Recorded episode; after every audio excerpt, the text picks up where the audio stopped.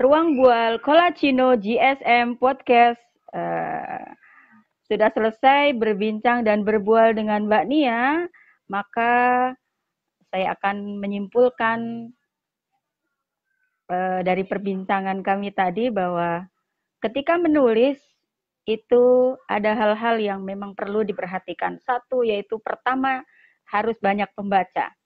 Kemudian selanjutnya menentukan topik apa yang akan kita tulis, e, mempertimbangkan maksud atau tujuan penulisan.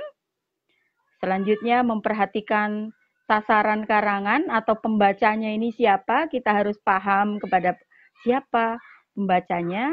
Terus kemudian mengumpulkan informasi pendukung, selanjutnya mengorganisasikan ide informasi, dan selanjutnya mulai menulis, baru membaca ulang tulisan tersebut.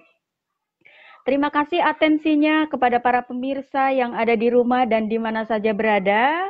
Tidak bisa saya sebutkan satu persatu. Alhamdulillah bisa hadir di tengah-tengah kita. Mudah-mudahan di acara selanjutnya bisa menghadiri kembali, bisa bergabung di uh, Ruang Bual Kolacino GSM.